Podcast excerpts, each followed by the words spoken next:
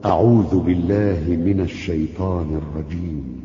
ومثل الذين ينفقون أموالهم ابتغاء مرضات الله وتثبيتا من أنفسهم كمثل جنة بربوة أصابها وابل فآتت أكلها ضعفين فإن لم يصبها وابل فطل.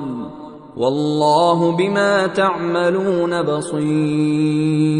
أيود أحدكم أن تكون له جنة من نخيل وأعناب تجري من تحتها الأنهار تجري من تحتها الأنهار له فيها من كل الثمرات وأصابه الكبر وله ذرية ضعفاء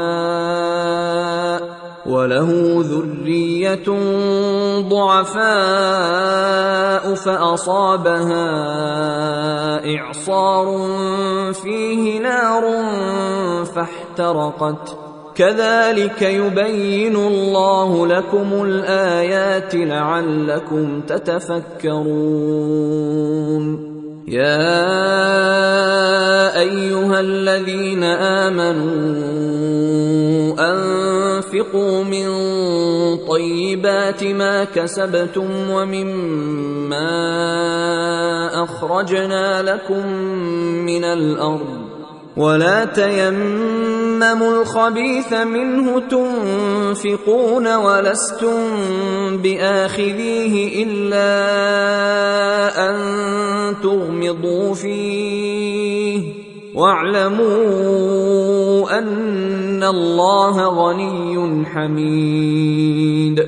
الشيطان يعدكم الفقر ويأمركم بالفحشاء